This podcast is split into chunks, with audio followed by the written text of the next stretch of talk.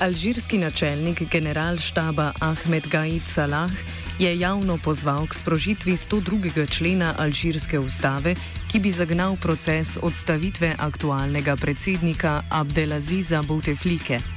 Člen namreč določa, da lahko ustavni svet razglasi predsedniški mandat kot neveljaven in pozove parlament k, k razglasitvi predsednika za nesposobnega izvajanja svoje funkcije. Salah je pod, poziv utemeljil z ohranjanjem politične stabilnosti v državi, saj je najava kandidature Buteflike s podporo vladajoče stranke Narodno-osvobodilna fronta ali krajše FLN na predsedniških volitvah sprožila množične proteste po državi. Od 22. februarja na ulicah alžirskih mest protestira več sto tisoč ljudi proti obstoječi politični eliti. Povod za množično protestniško gibanje pa je bila kandidatura Bouteflike za peti predsedniški mandat pri 82 letih.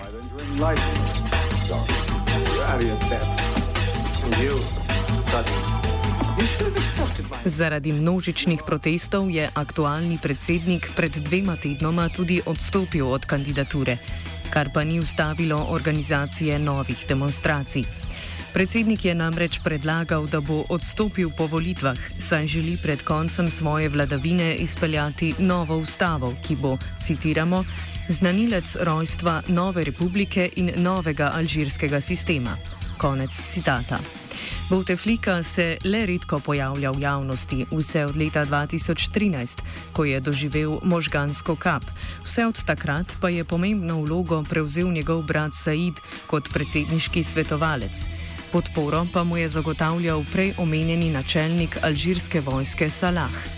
Koliko dejansko predsednik Bouteflika v svojem oslabljenem zdravstvenem stanju še izvršuje oblast, ni znano je pa po poročanju zasebne televizije Enahar TV pred dnevi razrešil vodjo državne televizije Toufika Keladija, ki naj bi bil blizu predsednikovemu bratu. Predsednik očitno izgublja podporo tudi v domači stranki FLN, ki je umaknila podporo njegovemu predlogu izvedbe konference narodnega dialoga med funkcionarji in civilno družbo za pomiritev razmer v državi. Spletke starcev na alžirskem dvoru se nadaljujejo.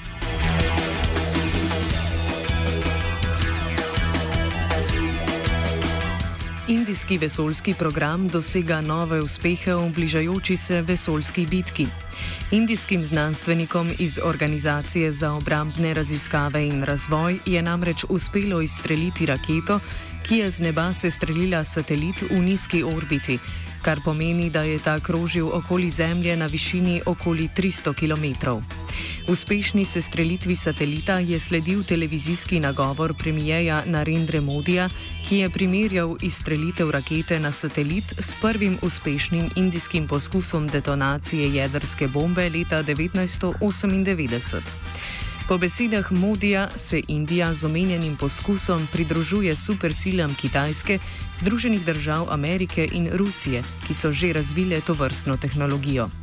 Vojaško-znanstveni eksperiment je očitno tudi del drage predvolilne kampanje obstoječe politične garniture, saj se Indicem v naslednjem mesecu obetajo splošne volitve. Indijska vesoljska misija sicer računa na nove dosežke v prihajajočih letih.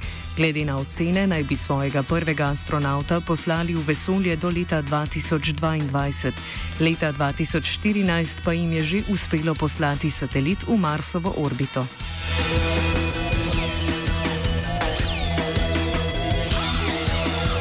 Konec tedna se obeta izvedba lokalnih volitev v Turčiji. Svoj glas za lokalne veljake pa bo lahko oddalo okoli 57 milijonov volilnih upravičencev.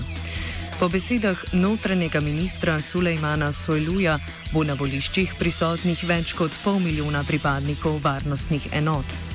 Lokalne volitve predstavljajo pomembno etapo pred predsedniškimi in parlamentarnimi volitvami leta 2023 za vladajočo stranko AKP in predsednika Rečepa Tajipa Erdoana, ki je oblast z množično represijo utrdila po neuspelem poskusu državnega udara leta 2016. Po Po poročanju časopisa Soču naj bi državna televizija TRT doletil, dodelila 50 ur pozitivnega pokrivanja Erdoana, medtem ko je vodi republikanske ljudske stranke Kemalu Kilič Daroglu namenjenih 12 ur vsebin.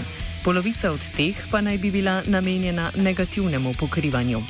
Prav tako je Ministrstvo za notranje zadeve poskrbelo za diskreditacijo opozicijskih kandidatov. 231 njih naj bi bilo namreč pod preiskavo zaradi povezav z domnevno terorističnimi skupinami.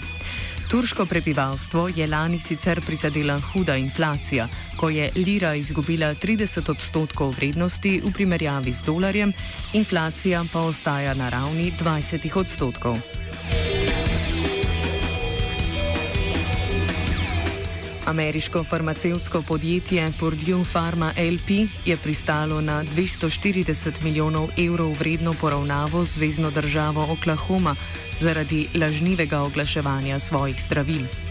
Podjetje je namreč proizvajalec protibolečinskih tablet Oxycontin, ki ga je. Ki, je, ki ga je farmacevtska korporacija spravila na ameriško tržišče z agresivno kampanjo v 90-ih letih.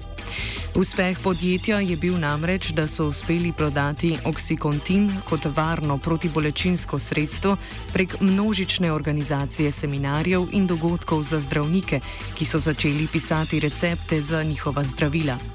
Oksikontin je postal splošno zdravilo za lajšanje kroničnih bolečin, moč 12-urnega delovanja pa naj bi zmanjševala tveganje odvisnosti. Uspešni marketing je ponesel prihodke podjetja v nebo, odvisnost uporabnikov pa je poganjala nadaljno prodajo.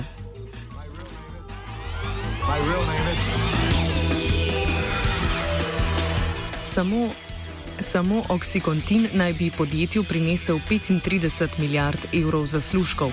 Lastnike podjetja, družino Sekler, pa dvignil med eno najbogatejših družin v ZDA. Prekomerna uporaba oksikontina naj bi bila vzrok za okoli 48 tisoč smrti v ZDA v letu 2017. V Oklahomi pa so v tem letu zabeležili 400 smrtnih primerov. Podjetje in njegovi lastniki so sicer v preteklosti že bili obsojeni zavajajočega označevanja svojih produktov glede nevarnosti odvisnosti. Tako je podjetje že leta 2009 plačalo 530 milijonov evrov poravnave, še vedno pa je proti podjetju odprtih okoli 2000 tožb. Odločitev v Oklahomi bi lahko imela domino učinek za tožbe v 36 drugih zvezdnih državah, prav tako pa ima Oklahoma odprte tožbe še proti 12 proizvajalcem opioidov.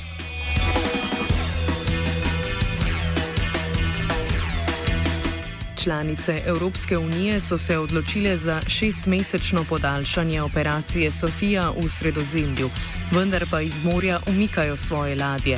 Ostali bodo le še letala in finančna in materialna pomoč libijskim milicam, državnim in paradržavnim strukturam.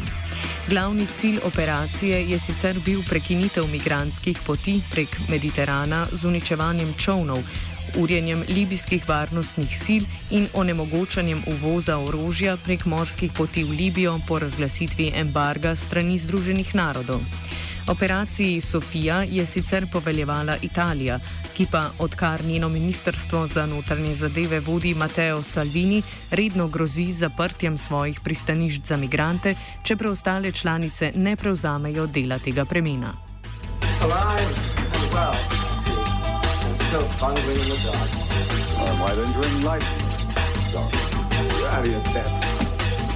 Off je pripravil Jošt.